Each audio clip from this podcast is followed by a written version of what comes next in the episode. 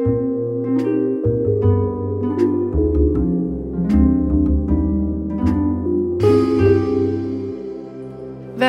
till det tjugonde avsnittet av Sociologipodden med dig Håkan Törn. Och med dig Åsa Wettergren.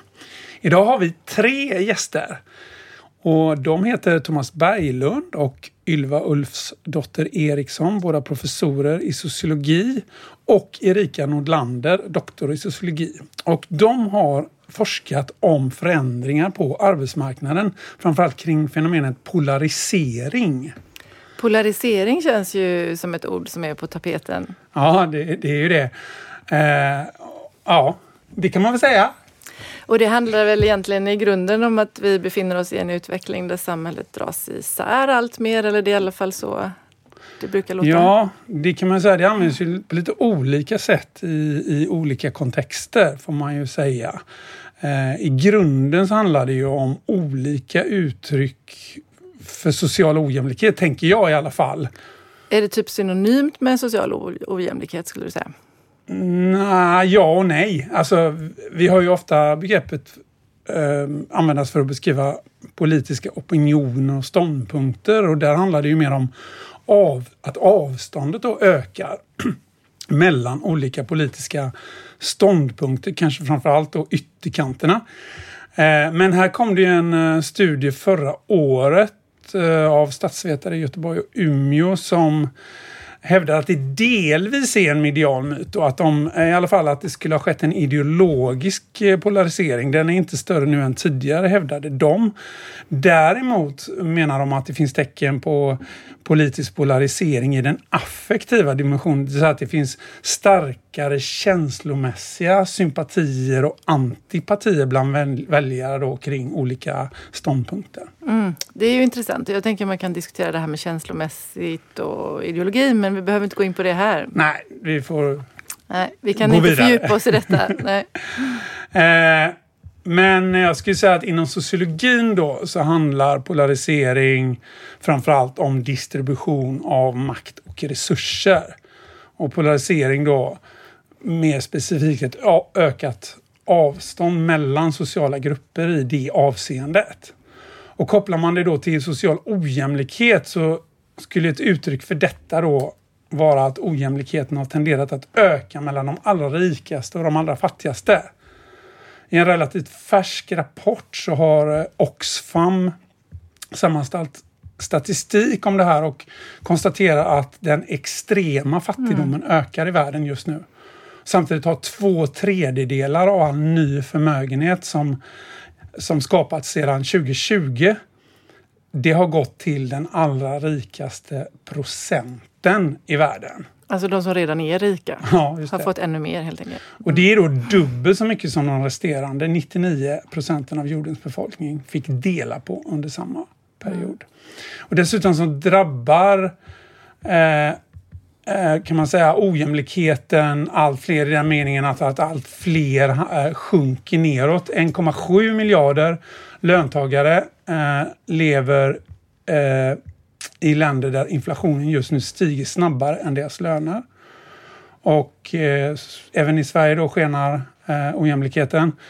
Eh, och det är ju faktiskt så att inkomstskillnader ökar särskilt mycket i Sverige jämfört med andra OECD-länder. Det känns som att vi har tagit upp det här ja, förut tidigare. och förut. Ja, men jag känner att det också tål att upprepas för det når ju aldrig in i den politiska debatten. Nej, det gör ju tydligen inte det. Mm. Eh, så att när det gäller de rikaste personernas andel av förmögenheterna så ligger ju Sverige i världens tätgrupp. Alltså fem personer eh, äger mer än fem miljoner svenskar tillsammans. Eh, och tittar man, ökar man det till den rikaste 10 procenten då så är deras andel då 75,6 procent i Sverige. Och det blir fattigare? Ja, samtidigt ökar fattigdomen mm. och på senare år är det framförallt då utlandsfödda som drabbas. Enligt SCB e så eh, levde 14,7 procent av svenskarna i hushåll, i hushåll med låg ekonomisk standard, alltså relativ fattigdom år 2021. Och det motsvarar strax över en och en halv miljon människor. Samtidigt hade runt 4, eller runt 4,6 procent av hushållen exakt, eh, alltså runt 500 000 personer, de hade låg inkomststandard, det vill säga lever i absolut fattigdom.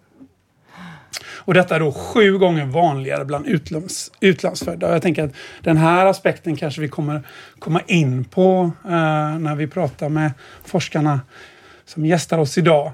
Eh, slutligen då vill jag bara säga att det nyligen också uppmärksammats att eh, Sverige de senaste fem åren har fallit från första till tjugonde plats i mätningar av att, hur bra man är på, ett land är på att bekämpa ekonomisk ojämlikhet genom välfärd, skatter och arbetstagares rättigheter.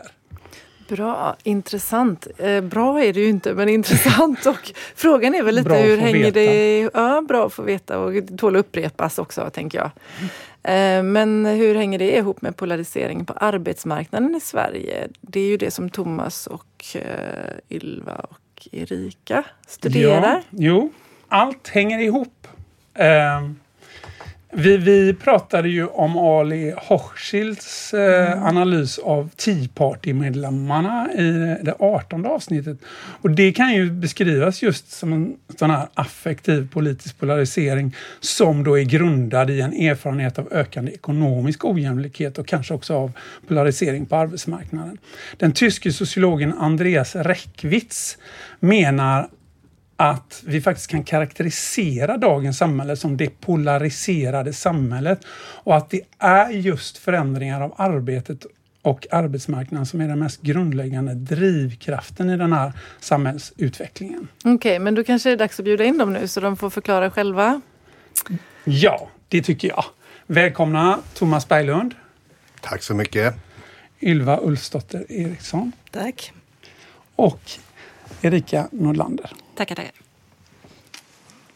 Ni har alltså forskat om förändringar på den svenska arbetsmarknaden. Så eh, vem vill börja med att förklara? Vi har ju tre gäster här idag. Så, ja. Ska jag? Ja, ja. varsågod Thomas. Ja, jag tänkte tag att det, det var så intressant. Så jag tänkte jag kunde sitta och lyssna på er. Det var ju jättespännande. nu ska vi berätta. lyssna på er. Ja, ja. Jo, nej, vi har haft ett eh, projekt eller program, kanske det kallades, som började 2017 va? Eh, som handlade om polarisering, eller frågan var om den svenska arbetsmarknaden polariseras. Och vi har hållit på i sex år och det här är vi på sista slutåret nu eh, då liksom allt ska sys ihop. Och närmare, vi har varit närmare 14 forskare som har hållit på med det här då i sex olika delprojekt som har, har handlat allt från själva yrkesstrukturen till eh, hur arbetsmiljöer förändras, kring facket, yrkesstatus och så vidare. Så att eh, ja, det har varit ett väldigt, väldigt brett projekt. Så att lite grann har vi väl kommit fram till om eh, hur den svenska arbetsmarknaden förändrats. Och vad vi har fokuserat på det är åren ja, från 90-talet fram mm. till nu i princip. Så. Det... Och, och det, finns, det är en bok på gång, Ylva? Ja, det här året ägnar vi åt att försöka samla ihop oss i de här sex olika delprojekten. Och arbetar med en bok som heter Scrutinizing Polarization Patterns and Consequences of Occupational Transformations in the Swedish Labour Market. Och som ska ges ut på Routledge början av nästa år, 2024. Det är väl planen. Uh, och den boken kommer bestå av 12 kapitel Eh, där vi på olika sätt försöker utforska vad polarisering i en svensk kontext innebär. Mm. Vilka mönster kan vi se och vilka konsekvenser kan vi spåra, ana? Mm. Och Erika, du har skrivit, du är med och skrivit ett, åtminstone ett par kapitel i boken va? Ja precis, jag är med i två kapitel. Ett kapitel tillsammans med Ylva här, eh, där vi tittar lite närmare på prestige, alltså hur yrken värderas och rangordnas och studerar lite mer om, om det eventuellt har förändrats då under den här tidsperioden. Uh, och sen också ett kapitel tillsammans med Anna Hedenius där vi går mer, liksom, mer på mikronivå och, och uh, närmare studerar tre olika företag och hur, hur de då möter digitalisering och de förändringar och utmaningar det innebär. Så det innebär att ni har, ni har inte bara forskat liksom med hjälp av kvantitativa metoder utan också kvalitativa metoder i projektet? Mm. Roligt. Vi tänkte vi kanske skulle börja med i bokens inledning så ger ni ju lite bakgrund till hur man kan förstå vad polarisering är och hur det kan förklaras. Vad är bakgrunden? Alltså, det är väl så att man pratar väldigt mycket om teknologiska förändringar som en drivkraft här. Kan ni säga något om det? Ja, det är väl, det är väl så. Alltså, alltså man kan väl säga att hela det här projektet tog sin avstamp i en artikel av en svensk sociolog som heter Rune Åberg eh, från Umeå universitet.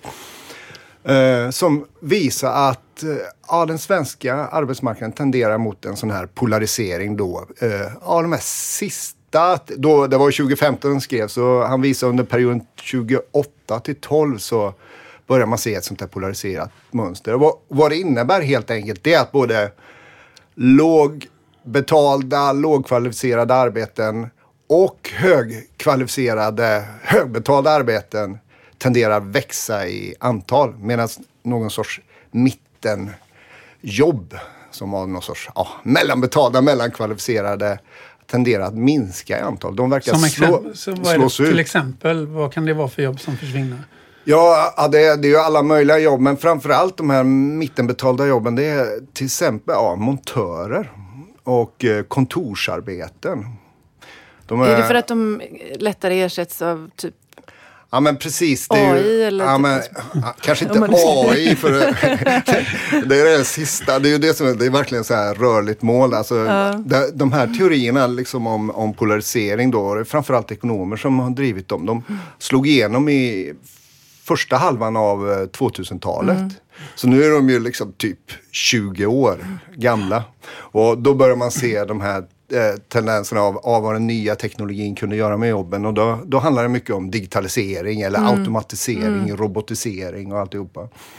Och vad man menade då var att de kunde slå ut alla jobb som hade någon sorts rutinkomponent. Mm. När, när, när, man upprepar någonting.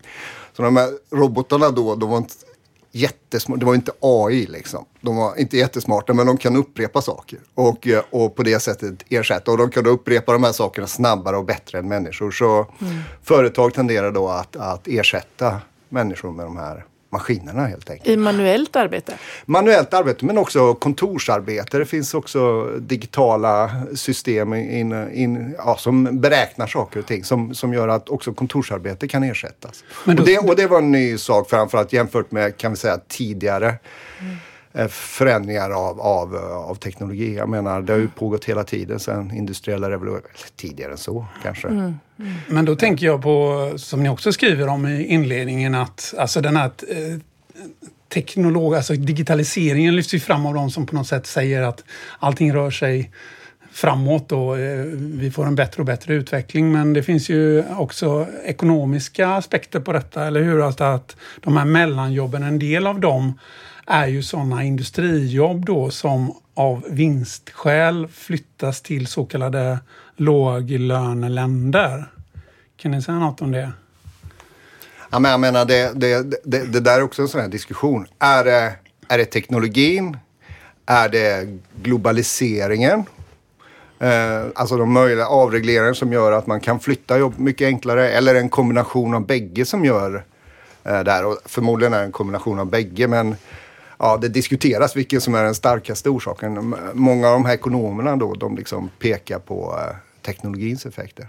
Mm. Det, jag kan bara lägga till, det ja. intressanta med, eller liksom det som på något sätt är väldigt intressant där. Det, mycket av den här diskussionen om polarisering, den uppkom, det var också ett par sociologer som är viktiga där, eh, Erik Olin Wright och mm. Dwyer eh, som, som, skrev en, en, text om den amerikanska arbetsmarknaden. Visar på 90-talet sker en sorts polarisering där. Eh, mm. låg, både låg kvalitativa jobb och högkvalitativa jobb växer i antal.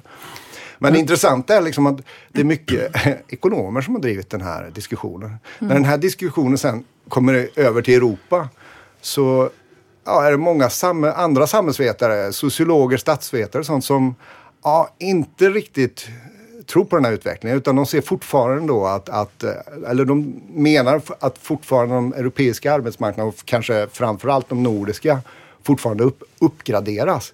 Det, Just det, att, det är bra begrepp. Ja, det, är ja, det får du förklara. Det är en viktig ja, men det, är liksom, ja. det är liksom den andra sidan. Alltså. Och det är helt enkelt, ja, där är det mer entydigt att det, ja, det växer fram bättre och bättre jobb. De mm. lågbetalda, lågkvalificerade jobben slås ut. Mm. Och, och, det har många då ansett är en positiv utveckling. Det blir, en bättre, ja, det blir bättre jobb på arbetsmarknaden. Fler arbeten kräver utbildning och genererar ja, också högre status och prestige ja. som jag har förstått. Ja, precis. Mm. Risken med den utvecklingen då det är ju liksom att, att eh, ja, det riskerar att de som inte hänger med i den här utbildning, utbildning, alla de utbildningskrav som krävs då, liksom, de hamnar i, ja, tenderar att inte få jobb. Det blir mm. strukturell arbetslöshet och mm. mm. allt det här med utanförskap och alltihopa ja, som och sen, sen skriver ni också ytterligare, om vi har pratat lite om ekonomi, ekonomiska drivkrafter och teknologiska, så, så finns det också de politiska då. Ni tar ju också, alltså, apropå det här med låglöneyrken då, att, att de har ju möjlighet, alltså ökningen av de yrkena och det ser vi ju på gatorna här med, med liksom alla cykelbud och, mm. liksom hela plattformsekonomin på något sätt liksom har möjliggjorts också av en, en, en politik som har avreglerat arbetsmarknaden. Och, jag menar här i Sverige har vi ju RUT och ROT då, som har möjliggjort en expansion. Så, så det är väl också en, eh, en faktor som, som framförallt som inte har så mycket med uppgradering, på, alltså eh, teknologi Nej Eh, även om det, ni skriver också att, det, att, liksom att de här hög, eh, de här nya eh, vad säga, högkvalificerade yrkena, de vill ha service. Liksom. De vill ja, kunna precis, ha en pizza ja. på, på lunchrasten ja, medan de jobbar.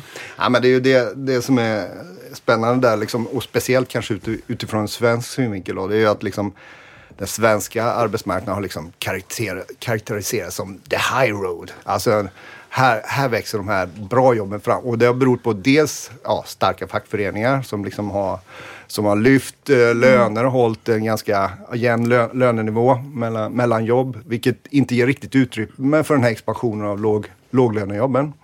Eh, vi har haft en välfärdsstat då, som har liksom Ja, där vi genom skattemedel har kunnat liksom ja, hålla uppe sysselsättningen också eh, bland jobb då som i andra länder tenderar att bli ganska lågbetalda. Men här har vi kunnat ha goda eh, löner och öka sysselsättningen. Liksom. Det har mm. liksom varit mycket mm. den där svenska modellen. Mm. Men många av de här sakerna har ju faktiskt förändrats väldigt mycket sedan 90-talskrisen. Mm. Så det finns mycket som talar för att, att, att vi skulle gå mot en ökad polarisering på den svenska arbetsmarknaden. Då. Och sen har det, som, som du var inne på Håkan, där med, med liksom, det har funnits politiska ambitioner att öka de här ja, lågkvalificerade jobben för att minska arbetslösheten. Jag menar det är ju en top priority för alla politiker. Enklare liksom. arbeten. Enklare jobb ja, ja för att minska mm. arbetslösheten. Mm. Mm. Och man kanske också får öka vinsterna. Ja, men mycket också för att vinna val. Liksom. Men om vi, ska, om vi ska komma in på den här artikeln som vi har läst som jag tyckte var superintressant som ni har skrivit alla tre där som författat. Eh, så, så tycker jag att där, där är det ändå så här att ja, å ena sidan en polarisering ser vi, å andra sidan så ser vi en uppgradering. Um, Ylva, vad vill du säga om detta? Ja, nej, men vi, då använder vi ju sådana här internationella statusmått, mm. standardiserade statusmått som eh, skapades redan. Istället för andra sätt att mäta? Liksom. Precis, liksom. ja. som ett annat sätt att mäta. Mm. Uh, så att nämnd uh, Rune Åberg använder ju lön. Uh, Mikael Tolin vid Sofie Stockholm har använt kvalifikation. Mm. sen finns det ju några internationella artiklar som har jobbat med lite flera olika typer av mått i, mm. i, i samma studie. Men, men, vi valde att använda yrkesstatus då mm. som som vår variabel. Så det som ni kallar för prestige, eh, occupational prestige ja, eller arbets, eh, yrkesstatus då? Precis, det, prestige ja. scores det kallas de då. Eh, så att, och då såg vi ju att eh, det skilde sig mellan kvinnor och män på den svenska arbetsmarknaden. Mm. Så att eh, där kvinnor, och det kanske inte är alldeles otippat eftersom att kvinnor dominerar i högre utbildning, men där kvinnor har en tydlig eh, uppgraderande rörelse så att mm. säga. Eh, och män har en mer polariserande. Kan ni ge något exempel på vad som är vad alltså, är det? En uppgraderande? Vad, vad, vad liksom, kan vara ett exempel på ett uppgraderat jobb för, kvin, för kvinnor? Liksom, ja, men alltså, här blir ju intressant. När vi började jobba med den här artikeln så hade vi som förebild en, en text av eh, Paula England från 79 där hon tittar på, alltså hon ville liksom diskutera den här eh, diskursen om att kvinnor återfinns i lågstatusyrken. Så mm. att hon, hon tittade liksom på hur, hur fördelas kvinnor och män över olika prestigegrupper. och såg ju att det var ganska jämn fördelning utom i de allra liksom, toppstatusjobben. Mm. Advokat, domare, läkare. Med amerikansk data tittade hon ju på då. Eh, så att vi ville liksom göra en liten replikation på den. Och, så att när vi då tittar på de här svenska datan från 97 till 2000, eller 97 och 2015 är ju de Ni har alltså undersökt 1997 till 2015 och förändringarna där? Det, det Nej, inte till. Det är två mätpunkter. Ja, det är två ja. mätpunkter. Ja, just det. Så var det. Mm. Uh, och då ser vi vad det gäller de här topprestigeyrkena som 97 i Sverige också var mer, alltså var, var, låg de på en 37, knappt könsbalanserade. Mm. Uh, och med könsbalanserad menar man då? 60-40 procents ja. fördelning, uh, kvinnor och män. Så att, och, så att mellan 97 och 2015 så har ju andelen kvinnor i de här topprestigeyrkena ökat jättemycket. Så domare var väl ett av de yrkena. Ehm. Uh... Erika, är det, ja, vad säger, är det här en specifik liksom, svensk utveckling då som ni ser i den här? Eller, eller hur ska man se det? Jag menar, vi har ju... Det, det pratas ju ibland, jag tror att ni skriver om det också, att vi har, vi har varit inne på det en, en um, tidigare podd att vi har en könssegregerad arbetsmarknad. Uh. Ja, men så är det ju. Den svenska arbetsmarknaden är ju väldigt kännetecknad av att den är väldigt, väldigt, väldigt mm. könssegregerad. Um, som betyder, vi kanske ska repetera ja, det. precis, att, att män och kvinnor helt enkelt liksom återfinns i olika yrken eller olika sektorer. Och det har något också mycket med våran offentlig... Alltså, ja, precis. Vi har ju en väldigt tydlig... Liksom, från att vi byggde ut den offentliga sektorn eh, så har ju kvinnor i, i högre utsträckning eh, började ju helt enkelt jobba i den offentliga sektorn och sen har vi liksom hela tiden haft en, en väldigt tydlig, eh, stark offentlig sektor. Och de har äh, dominerat där väldigt de länge? De har dominerat där, precis. Äh. och sen så, precis som Ylva var inne på också, så har vi ju, äh, om man ska säga vad som så kännetecknar den svenska utvecklingen, så har vi ju också då haft en, en välfärdsstat som också har satsat väldigt mycket på utbildning. Och mm. här har ju kvinnor liksom tagit plats mm. och återfinns högre i högre grad i högre mm. utbildning. Uh, och jag tänker att det är också ett väldigt intressant resultat som, som kommer fram i vår studie när vi tittar då liksom på, på vad utbildning har haft för effekt mm. uh, när det gäller att placera sig uh, i olika prestigegrupper. Och där ser vi att liksom, utbildning har alltid varit viktigt för kvinnor. För att liksom kunna komma upp i, i högprestigeyrken så, så har Eh, kvinnor har nått det helt, helt enkelt genom högre utbildning. Till eh, skillnad från män då? Precis, till skillnad det, från män. Jag tänker det är lite intressant. Har män kunnat få högprestigejobb utan utbildning? Eller hur, så hur ska man tolka det? Den, eller inte helt. Vissa, vissa kräver ju ändå någon typ av legitimation eller så. Som, men, men har det till en högre grad, ja, kunnat mm. funnits i vissa typer av, av högprestigeyrken. Som till exempel? Vad ska vi säga, något exempel? Ja, men man skulle väl kunna tänka sig inom... Eh... Karriär inom vissa företag? Ja, ja precis, ja, precis. Där män väljer män och Business så som vi vet. professionals ja, liksom. Ja, sådär. Så att jag menar det är lite knepigare mm. som advokat. Eller men de, de tiderna har ju börjat förändras mm. även för män. Att mm. det också kräver eh, utbildning för att nå dem, den typen av yrken så att säga. Just det.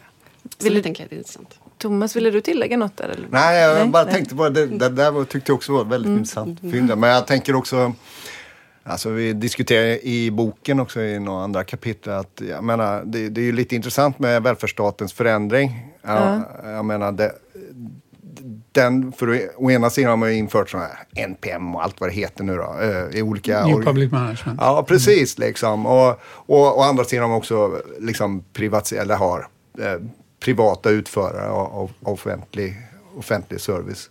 Och det där verkar också ändra ju karaktären lite på själva välfärdsjobben. Just det. Eh, så, och det, Blir, får de mer prestige då? Eller? Ja, men lite grann. Alltså, vissa tendenser jag har hittat är ju att liksom, det behövs ju nya typer av, uh, nya typer av yrkesgrupper. Jag menar jurister, ekonomer och så vidare. Och många kvinnor har tagit de jobben. Så för, den här förändringen av välfärdsstaten kan kanske paradoxalt så att nedmonteringen av välfärdsstaten ja, som egentligen skulle drabba kvinnor då har samtidigt också gynnat kvinnor? Ja, det, lite så. Det är lite det Vissa kvinnor kanske?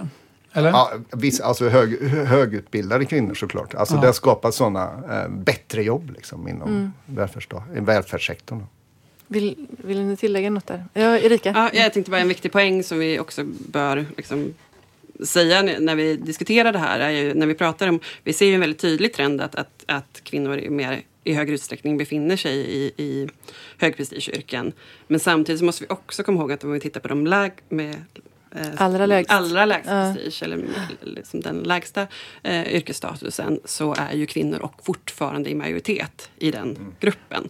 Män har ökat sin närvaro i den gruppen, men det är fortfarande kvinnor som Ja. Som jag minns, jag minns en siffra på 63 procent ja. 2015 och det hade gått ner då 5 procent sedan 1997. Mm. Eller? Exakt. Stämmer det?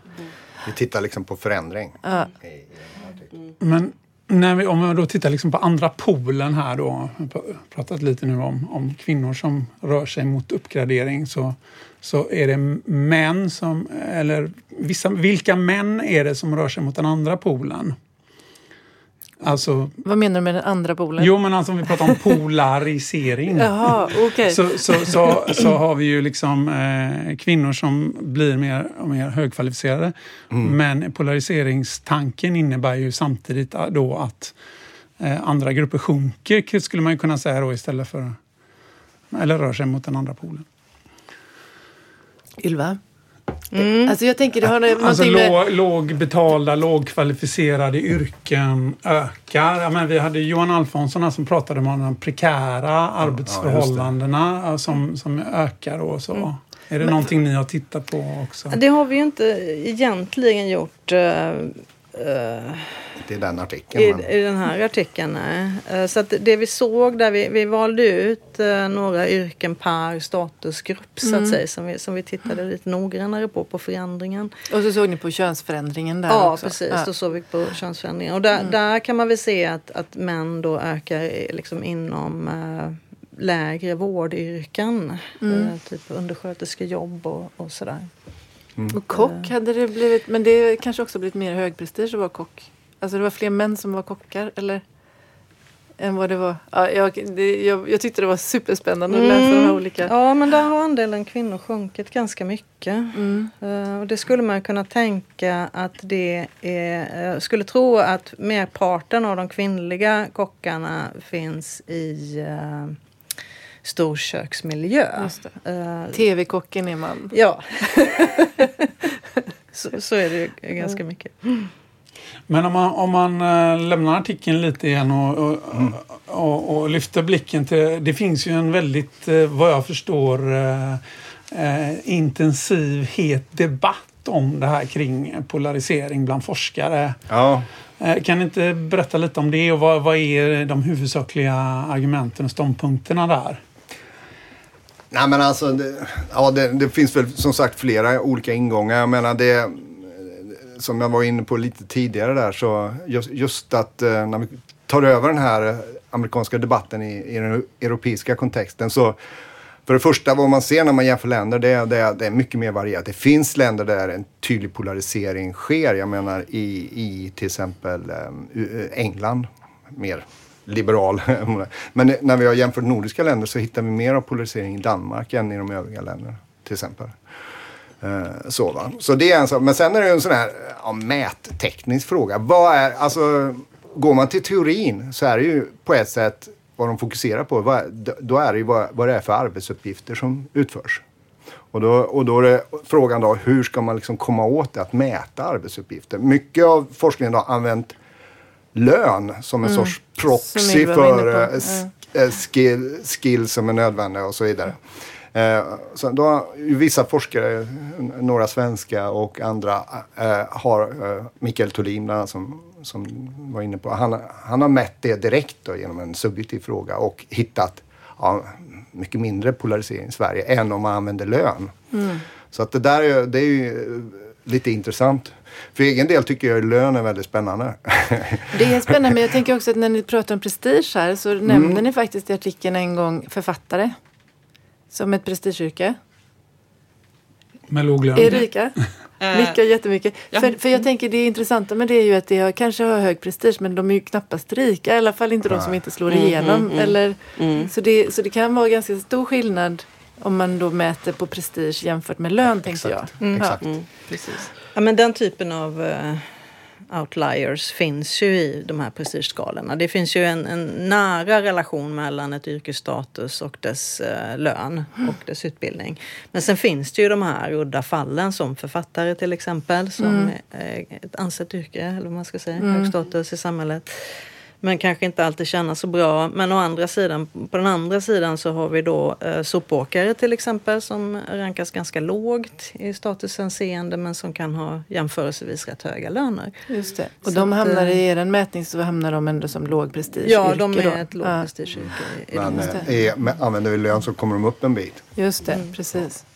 Men så, så, om man har, ja, förlåt. Nej, jag tänkte också, bara för att fånga upp en, en sak som jag tyckte var viktig här. Det var det här med horisontell och vertikal segregering som ni pratar om när ni pratar om könssegregerad arbetsmarknad. Så att här visar ni ju till exempel i den här artikeln, som jag förstår om man ska sammanfatta det kort, att liksom det sker en uppgradering för kvinnor men en polarisering för män.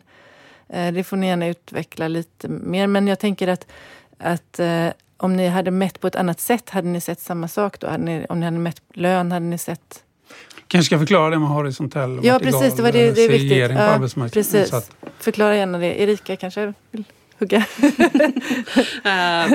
ja, men horisontell handlar helt enkelt om att, man, att män och kvinnor befinner sig i olika typer av yrken, olika mm. sektorer och mm. så vidare. Medan mm. vertikal är ju att det blir en, liksom, uh, en hierarki. Just det. Och har den minskat då, den horisontell, eller vad blir har, har någon av de här vertikal eller horisontell segregering minskat? Eller men i statushänseende och hur, ja. hur anställda fördelas ut, mm. ska säga, distribueras här, så, så bör vi väl ändå säga att det finns ett sånt argument i, i eh, liksom genuslitteratur, genuslitteraturen att män alltid har de bästa yrkena.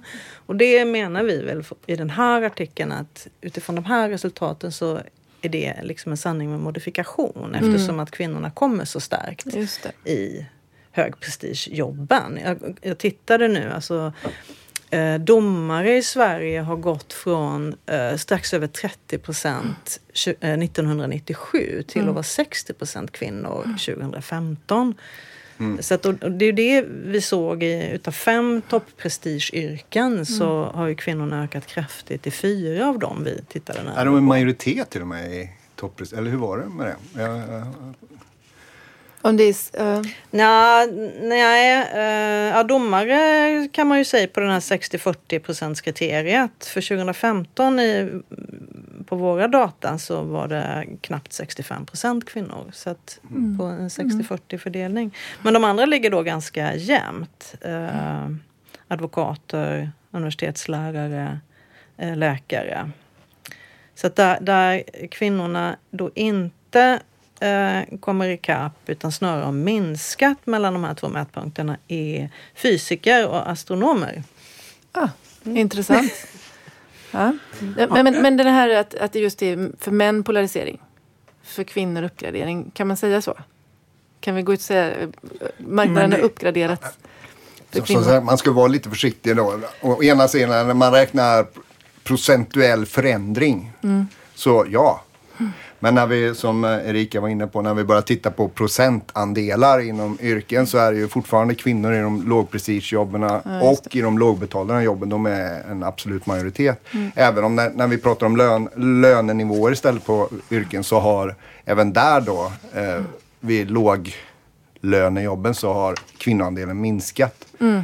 eh, över tid. Så, så, att det sker en sorts förändring men att, att säga att och jättepolarisering för männen, det är, det är lite överdrivet. Och jätteuppgradering för kvinnor, det, det är en sanning också, också med modifikation? Ja.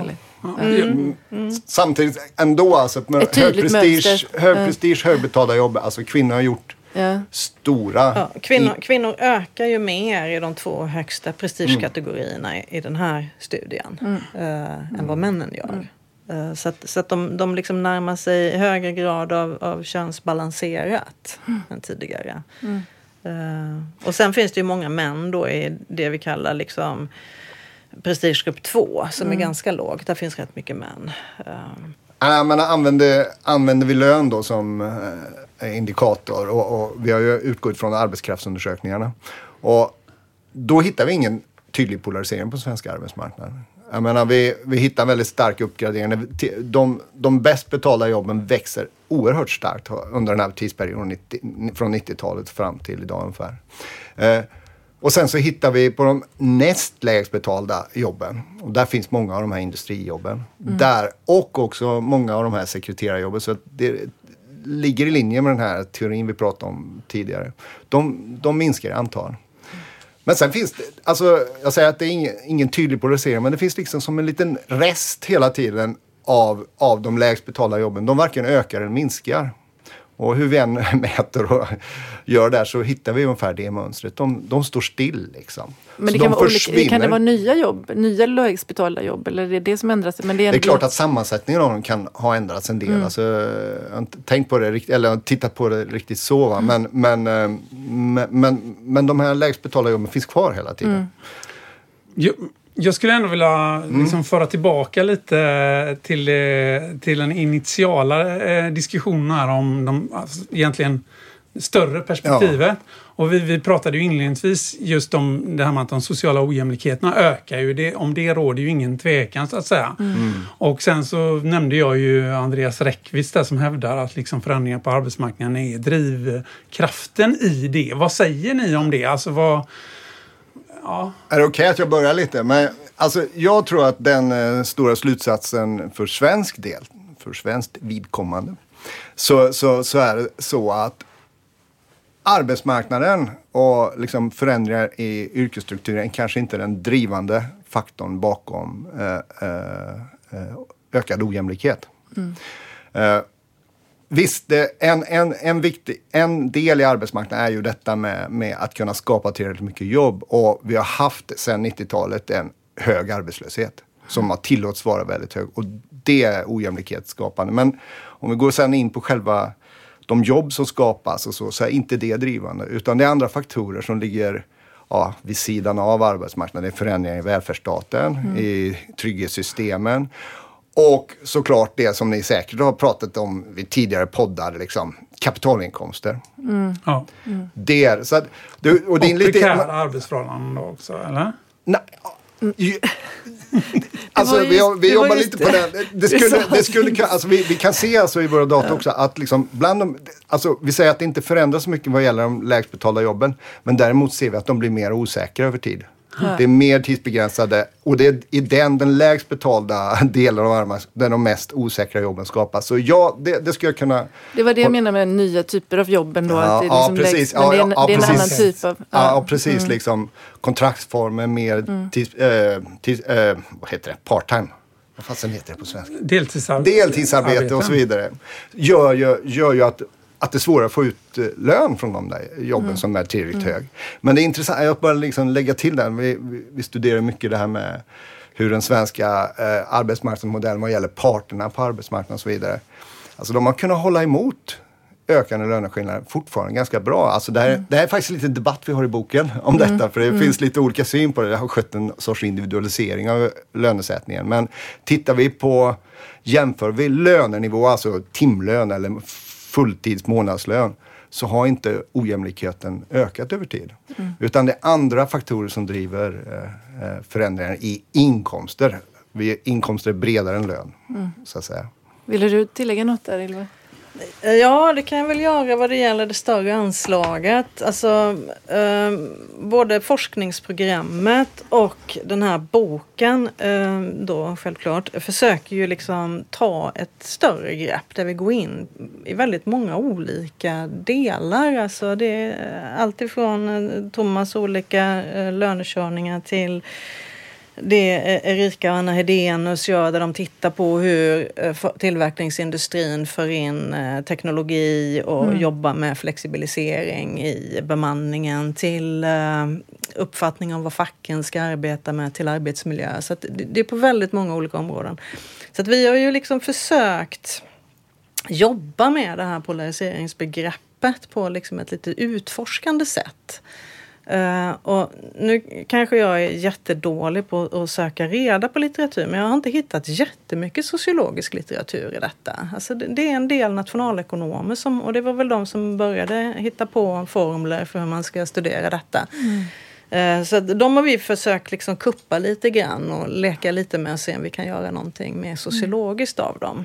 Eh, men, men då är ju räckvidd en av dem som kanske tydligt då går in i den här diskussionen. Mm. Uh, ja. Men kan man säga då alltså, att titta på det här sociologiskt innebär att man också tittar på andra faktorer än just bara lön. Man tittar på hur, hur uh, erkännande och status betyder någonting också. Ja, precis. Och jag, jag, man tänker på, eh, jag vill minnas att Räckvitt skriver om det och det, det finns ju i, i Hochschilds bok också, uh, Strangers mm. in their own land. Uh, jag ägnar mig just nu åt att läsa lite i en bok av uh, Michael Sandel, heter han väl, om Tyranny of Marriott Democracy, mm. kanske den heter.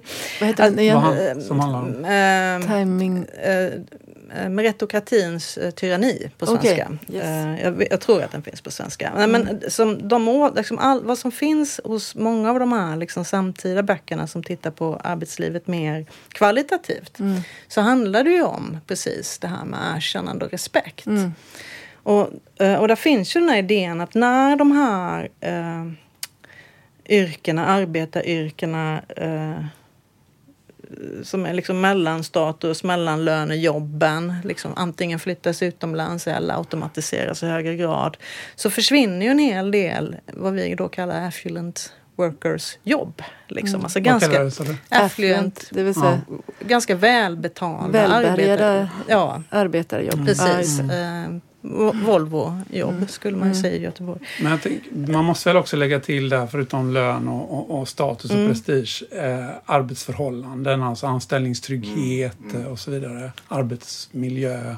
Ja, precis. Men, men, men vad, vad de här liksom då med, med filosofiskt inriktade diskussionerna handlar om är ju det här att i ett samhälle som bara driver mot att liksom, för att vara lyckad och för att lyckas så måste man ha en hög utbildning när, när vi drivs av det, om man är self-made, liksom, mm. alla kan, mm. liksom, då blir ju också de som faller utanför det inte längre värdiga. Liksom. Mm. Och när den här typen då av mer värdiga arbetarjobb som med hyggliga löner försvinner, liksom, eh, så, så, får vi ju ett samhälle där respekt och erkännande och värdighet blir en bristvara. Ja, just det. Och som också blir polariserat då på något vis. Så att vissa har det och andra har det inte. Så att säga. Precis, och det är ju bland mm. annat mm. en av förklaringsgrunderna i Strangers in their own land och, och, i de här som är mer meritokratikritiska. Mm. Liksom. Uh, jag tänker, vi har inte pratat så mycket om det, men det är ju en, en väldigt stark och tydlig ändå samband mellan det som vi tog upp inledningsvis att det är utlandsfödda som är tillhör de fattigaste. Mm. mm. Och det är också de som återfinns i de eh, prekära ja, yrkena. Ja, ja, men det, det, har vi, det är väl någonting som ni vi också har tar upp? Precis, jo, jo, vi, vi, vi, vi, vi har gjort en, en studie kring det också. Det, ja, så är det ju. Att det, mm. det, det är utlandsfödda som finns i de lägst betalda jobben. Mm. Och, och de jobben är också de mest osäkra och så vidare. Så att ja, det, det, det finns en sån sorts polarisering mellan grupper på svensk arbetsmarknad. En, en, annan typ av segregering helt ja, enkelt, exakt. en könssegregering. Men den har ni inte tittat på? Eller jo, vi har det i, i andra artiklar. Ja, ja, i mm. andra artiklar. Mm. Och ska i vi, boken. Ja. Och i boken kommer mm. Mm. mm. Jag tror att vi ska börja runda av. Jag skulle, vi skulle vilja ställa en fråga till er var och en. Um, varför är det viktigt att forska om? Eller vad är det vi vill att man ska ta med sig från er forskning? Vad kan vanliga människor ta med sig ut så att säga, av er forskning? Vem vill börja? Ylva? Ja, men jag tycker nog att det är väldigt viktigt att eh, ha ett kritiskt förhållningssätt när vi ropar polarisering. Eftersom att det är ganska entydigt i våra olika studier i den här boken att vi ser ganska små tendenser till detta. Alltså mm. det finns indikatorer men det är verkligen inte så att vi lever i ett polariserat land. Mm. Eh, vare sig i löner eller i uppfattningar om saker och ting. Utan det tuffar på. Men sen visst, sen smyger det ju in grejer mm. i, i företag och på arbetsmarknad som vi bör ha blicken på. Mm. Så en, alltså, vi ska inte bara tro på det här med polarisering? Nej. Nej. Erika? Ja, jag, jag tänker att jag kan stämma in lite där och tänker att det också handlar om att att verkligen tänka, när vi pratar om förändring eller polarisering eller så, att, att ha i huvudet, men vilken grupp pratar vi om här? Och eh, i vilket, eh, för vilka och, och mm. vart sker mm. det? Att, det kan, att vi inte har en entydig utveckling åt ett håll utan att, att den kan te sig lite olika. Som, som vi exempelvis pratade om här när det gäller män och kvinnor, att, att den kan se lite olika ut. Eller, eller att företag kan, kan möta de här utmaningarna på olika sätt. Eller så. Mm. Thomas, slutord? Ja, jag satt och tänkte, men jag, jag håller ju delvis med de föregående, men jag tycker, tänker också att det ändå är viktigt, alltså framförallt i svensk, för svensk vidkommande och svensk arbetsmarknad, arbetslivsforskning har haft en tendens liksom att hela tiden se att vi lever i the best.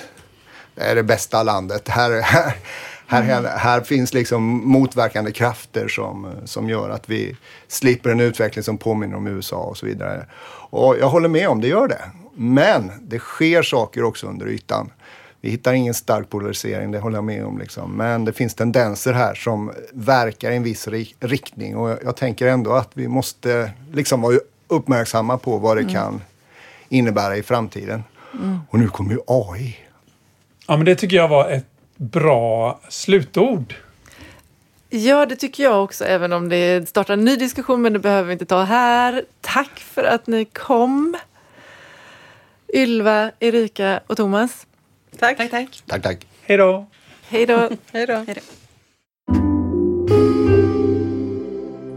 Då är det dags för vårt eh, litteraturtips och idag är det du som har valt Åsa. Vad har du valt? Jag har valt att läsa en bok av den klassiska amerikanska sociologen Robert K. Merton. Vem var han?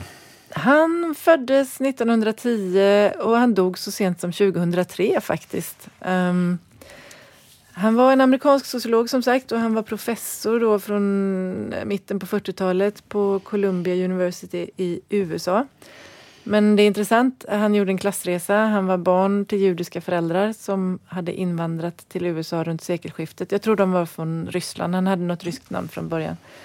Och de var fattiga, så Roberts bana mot den akademiska stjärnhimlen var ju inte självklar då. Han fick lite olika stipendier och stöd och han var begåvad och sådär. Men hans föräldrar, i synnerhet hans mamma, var intellektuella och politiskt aktiva på vänsterkanten. Vad är han känd för?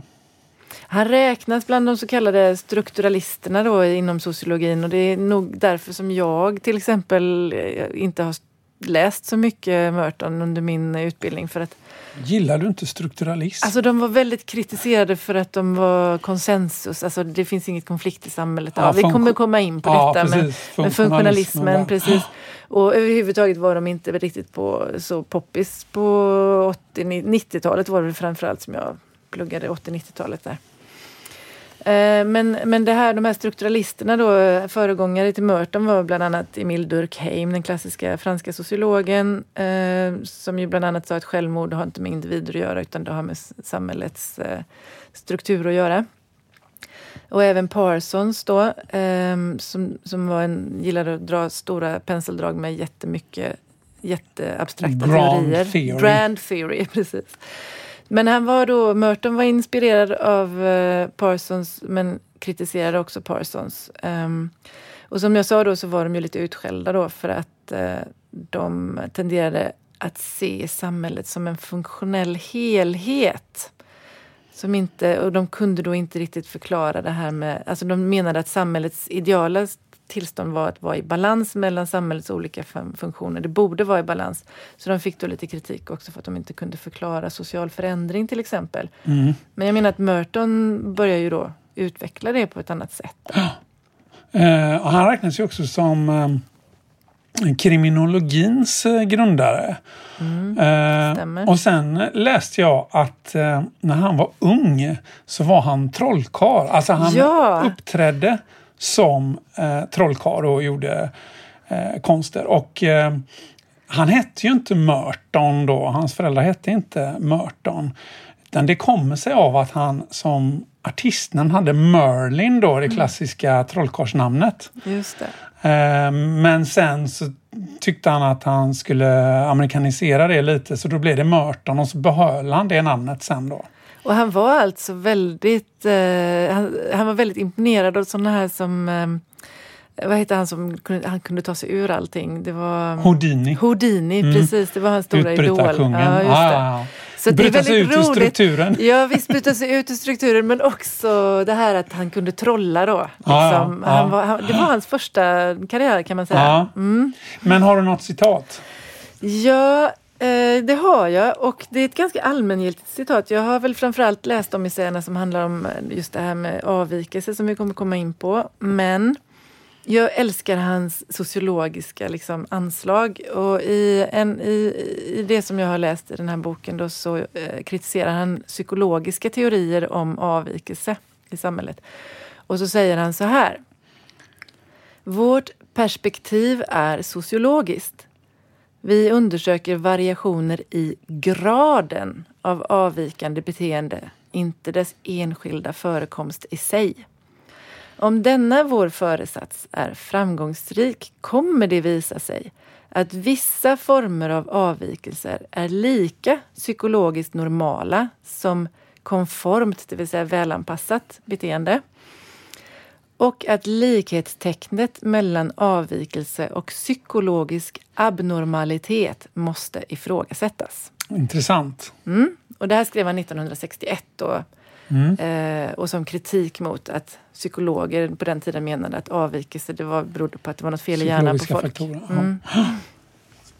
Så eh, om man nu ska gå vidare med vad som skilde eh, Merton från Parsons så, så, så, vi pratade ju om att Parsons hade de här stora eh, Grand Theory eh, och det tyckte ju då Merton att det, det, det, det, så kan man inte jobba för att vi behöver... Han var fortfarande kanske i den här vågen av sociologer som gärna ville hitta kanske inte naturlagar för samhällen men ändå någon typ av regelbundenheter och, och, och liksom förklaringar på hur samhället utvecklas och ser ut. och så. Sociala lagbundenheter. Sociala lagbundenheter, precis. Uh, så han, uh, han menar att för att vi ska kunna göra det så måste vi bygga teori som kan testas uh, i empirisk forskning. han tänkte sig nog mest kvantitativ forskning, vill jag säga, men kanske inte bara. Um, och han utvecklade då teori som, som man kallade mellannivå eller mesonivåteori, alltså teoretiska antaganden om att så här, så här kan det se ut. Så här, det här, till exempel avvikelse kan handla om att man inte kan få utbildning och då väljer man att nå sitt mål på annat sätt. Och det går att testa i empiriskt, alltså verklig, verkliga sammanhang då. Ja, det, det, det kallas ju middle range theory. Det, man brukar ju i svensk mm. sociologi inte ens översätta det Nej. till... Eh, och det är ett väldigt etablerat begrepp och jag tänker mm. lite på det att um, Merton, han skap, det är ett av flera sådana begrepp som han skapade och som har levt vidare och det känns som att eh, han är lite bortglömd. Alltså, mm, eller det, det, det inflytande som han hade, det lever kvar men, men utan att det alltid liksom kopplas till honom. Det lever kvar genom begreppen och det väl mm. det som gjorde jag tyckte det var så roligt att läsa honom nu när jag öppnade den här tjocka boken. Att, att det var så mycket man kände igen och inte visste kom från Merton men också att det var alltså ledigt skrivet och väldigt eh, trevlig läsning. Så. Mm. Mm. Um, kan du säga någonting om, mer då om hans uh, funktionalism? För att, att ja. han är ju ändå funktionalist mm. även om han är kritisk mot de mest så att säga, rigida. Eller Precis. Han var ju då kritisk mot uh, de tidigare funktionalisterna eller de tidigare strukturalisterna för att de de hade det här att alla samhällets olika enheter måste vara funktionella för att vi ska kunna prata om ett funktionellt samhälle som helhet. Eh, han menade att det kanske gäller för små samhällen, mindre samhällen eller för industriella samhällen men det gäller definitivt inte i våra komplexa, stora samtida samhällen. Eh, för där kan då en företeelse vara dysfunktionell för samhället som helhet men funktionell för en specifik eller enskild del av samhället. Så att säga. Eh, så att, så att det är liksom det som... Det som de komplexa samhällena fungerar egentligen som flera olika enheter där vissa saker kan vara funktionellt i, i ett visst sammanhang men inte i andra. Och det mm. måste man liksom ta med i beräkningarna då. Där, där, jag tänker ofta på funktionalism när jag tittar på djurprogram på tv. Mm. Därför att när eh, spikrösten förklarar eh, vad djuren gör och framförallt varför de gör det. Så det är ofta väldigt allting har en funktion och det är då evolutionen mm. som har lett fram till detta. Och allt djuret gör är liksom på något sätt nödvändigt för, dess, för artens ja. existens och överlevnad. Och jag tänker stackars djuren, de gör ingenting oförutsägbart eller de har ingen frihet. Och så är det ju naturligtvis inte tänker jag, men jag är ju inte biolog då eller mm. zoolog. Mm. Men, men liksom lite grann kan man, det är väl lite den kritiken mot funktionalismen, liksom på, den extrema i alla fall, mm. som brukar associeras med Parson. Alltså allting som finns har en funktion mm. och då blir ju samhället en maskin. Precis. Eller, en, ingen... eller en slags organism som man tänker ja, kroppens olika också, delar. Ja, precis. Uh. Men det är på något sätt liksom uh. att det finns ju då heller ingen ingen, ingen frihet, Nej. varken för individen eller för samhället som, som, som kollektiv. Och precis som du säger där så kan den då inte förklara egentligen varför saker varför, förändras. Varför saker förändras. Nej, liksom, genom att människor kanske beslutar sig för att förändra och, och, använder sin frihet till det. Nu, nu har ju inte det jag läst ähm, äh, egentligen handlat så himla mycket om social förändring men man kan ändå skymta det i, i det här äh, som Merton då pratar om. Äh, han pratar ju om, om det som man kallar för ähm, kulturella mål som man då eh, som är liksom en del av, bärande del av samhället och så pratar han om institutionella eh, legitima normer. Alltså han ser normer som en slags institution i samhället. Men, men det omfattar ju då också så att säga legitima regler och saker som man får och inte får göra enligt normsystem och lagar. Men kan du förklara lite, vad, vad, kan ett kulturellt mål vara? ja, något? men ett kulturellt mål är det som i ett samhälle värderas väldigt högt, som då ger status. Han pratar faktiskt mycket om status och prestige och moraliska bedömningar som folk gör. Så att det finns liksom ett emotionsperspektiv någonstans så här lite under alltihopa, vilket gjorde mig överraskad. Kulturellt mål kan vara då att ha en viss att, eh, levnadsstandard, ja, eh, viss typ USA, av yrke. som han då tar som exempel, så är det kulturella målet som eh, som det då redan var på 60-talet, eh, det var alltså att bli rik och mm. lyckad. Eh, och den amerikanska, den amerikanska drömmen. drömmen. Precis, det var den amerikanska drömmen. Mm. Och det var rik och lyckad, eh, rik lika med lyckad så att säga. Eh, här pratar vi liksom inte så mycket om kanske status och prestige på andra sätt utan här är det verkligen så här om du blir den där self-made man som har fullföljt den amerikanska drömmen, gått från fattig till att bli en jättestor industrimagnat eller så. Då har du lyckats. Och då, sa han, då säger han att redan 61 då, eller 60 så så var det här målet stod inte i balans med medlen för att nå dit.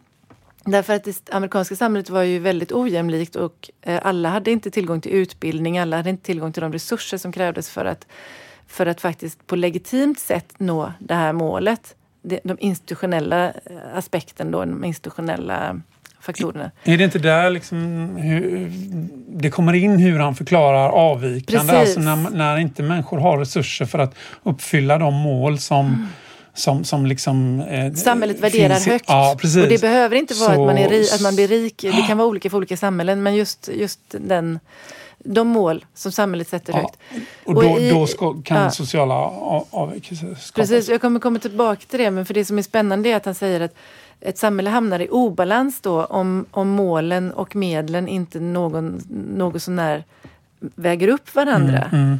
Uh, och han menar att det amerikanska samhället är ett exempel på ett samhälle där målet helgar medlen.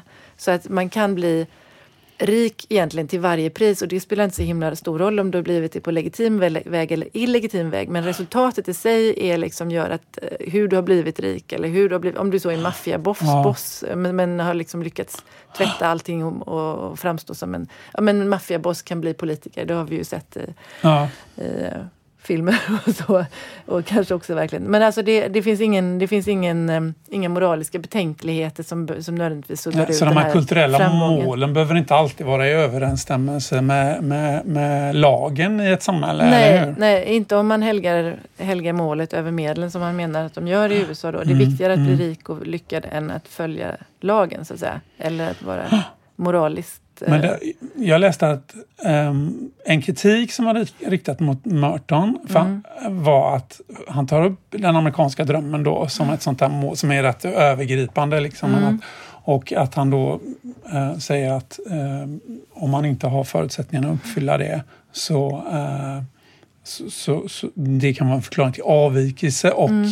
en typ av avvikelse är ju då att man begår brott. Mm, liksom. Mm, blir kriminell till ja, exempel. Mm. Men då var ju kritiken mot det då var ju att eh, liksom att det implikationen av det är ju då liksom att, att det är människor med lite resurser som alltid går, som, mm, som begår mm, brott. Mm. Liksom. Medan den teorin inte förklarar det som du var inne på, mm. att rika mm. människor som faktiskt uppfyller den amerikanska mm. drömmen begår brott. begår brott. Och det ska jag säga att det, jag vet inte var den kritiken kommer ifrån men det skriver han väldigt mycket om i den, den här essän om eh, avvikelse som jag har läst. Han skriver mycket om det han kallar för white collar crime. Okej, okay, han gör det. Ja, uh, men det kanske han gjorde som han, svar på kritiken. Ja, det vet jag inte, men det, men det han skriver är att, att liksom det, det talas väldigt lite om det. Uh, men uh, men det är väldigt uppenbart att liksom white collar crime går under radarn eller det är lite mer accepterat, eller det är väldigt accepterat i det amerikanska samhället. Då. Han menar ju då att det är, eh, jag ska också gå tillbaka lite innan vi kommer tillbaka till det här med avvikelse, men mm. det jag tycker är viktigt är ju också att han säger att eh, det finns då det han kallar för latenta och manifesta funktioner.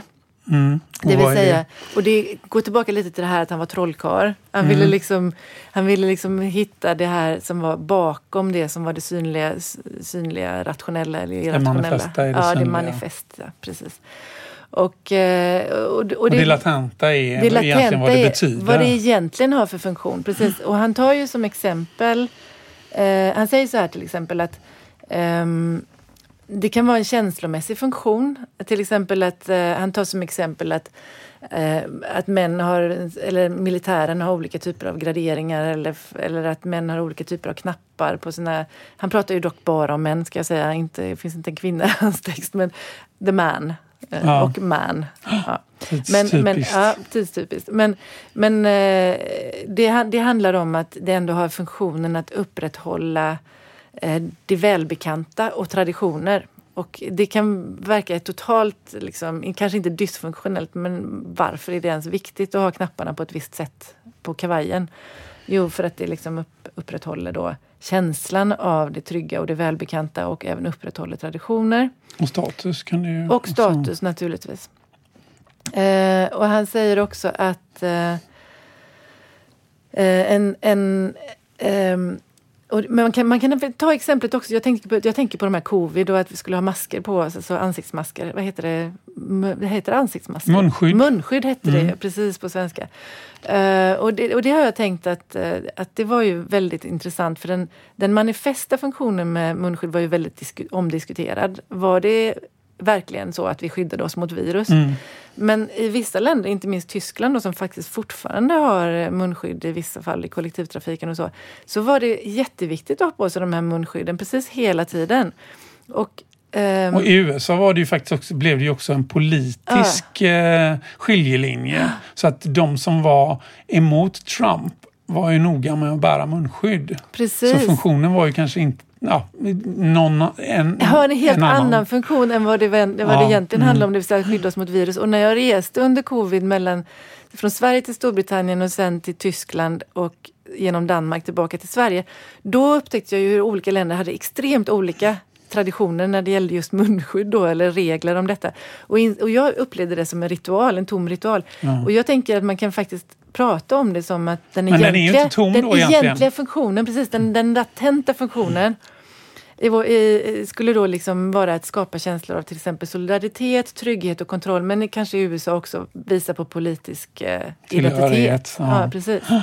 Så jättespännande att tänka i termer av latenta och manifesta funktioner. Jag tänker att jag har med mig det väldigt mycket i min egen forskning utan att jag ens har funderat över det. Mm, mm. Men självklart tänker man ju att man som sociolog ibland upp, upp, upp, eller upptäcker mönster som folk i allmänhet själva inte är medvetna om. Liksom. Jag läste också att han tog det från Bronislaw Malinowski, alltså den polska antropologen som vi pratade om i en annan podd, just som ju studerade eh, eh, så kallade primitiva samhällen, alltså på eh, alltså, ehm, på avlägsna öar. Eh, men jag tänker också på Freud hade mm. ju manifest mm. latent dröminnehåll där ja, man skiljer på liksom vad, vad, vad faktiskt drömmen visar, visar och vad den, och vad den betyder. Precis.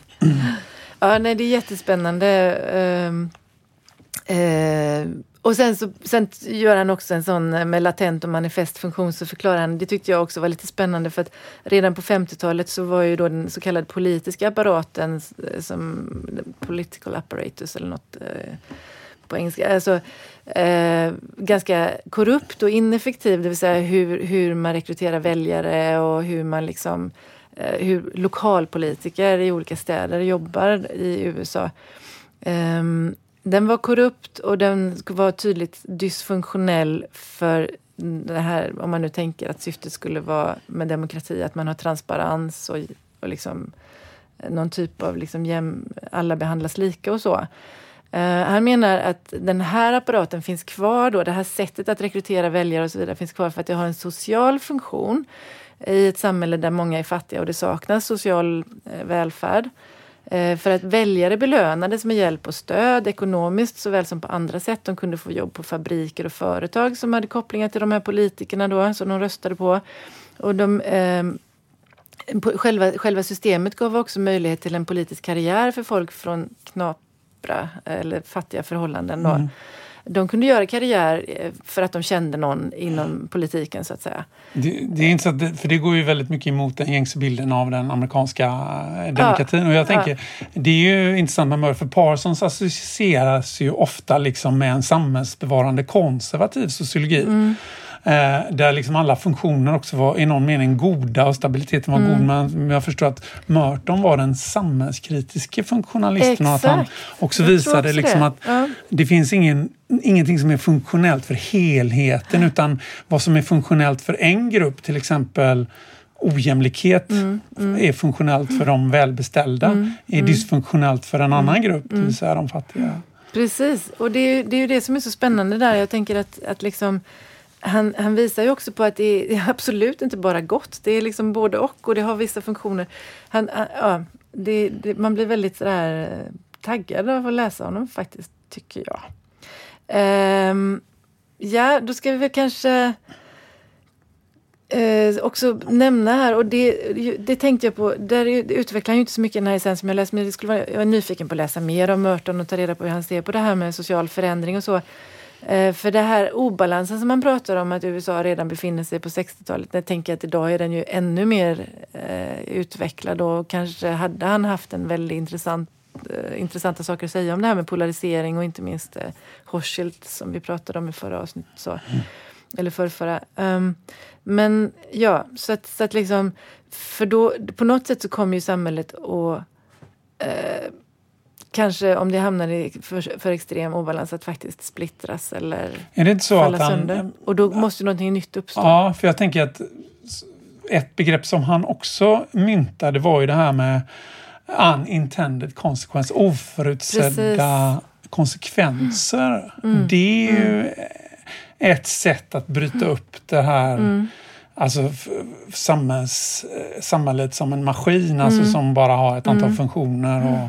som reproducerar sig mm. själva hela mm. tiden utan att, att uh, saker och ting som uh, vi gör Uh, utifrån vissa mål som vi har får inte... De får helt avsedda konsekvenserna Nej, utan exakt. något annat. Ja, och det precis. händer hela tiden. Ja, precis. Uh, så, så, på något sätt så blir ju den här bilden av den samhället som en funktionell mm. maskin eller organism, den blir ganska Eh, det, det, är inte alls den bilden som Mertons sociologi inte... målar upp utan det blir ganska oförutsägbart allting. Precis, eh, framförallt är det också väldigt mycket som är i konflikt. Precis, ja. det var det jag skulle säga. För att de här strukturalisterna som jag började med, de har ju fått kritik för att de är så konsensusorienterade. Mm. Men Merton är ju faktiskt en konfliktfunktionalist. Mm, alltså mm. han har ju konflikt, jättemycket konflikt i sin teori, ja. i sina teorier.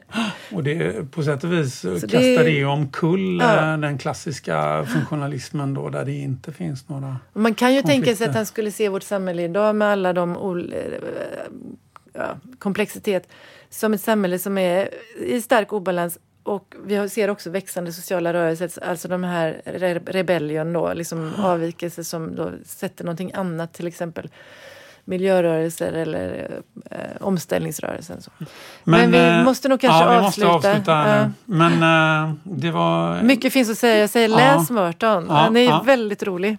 Mm. Okej, okay. då säger vi hej då. Hej då.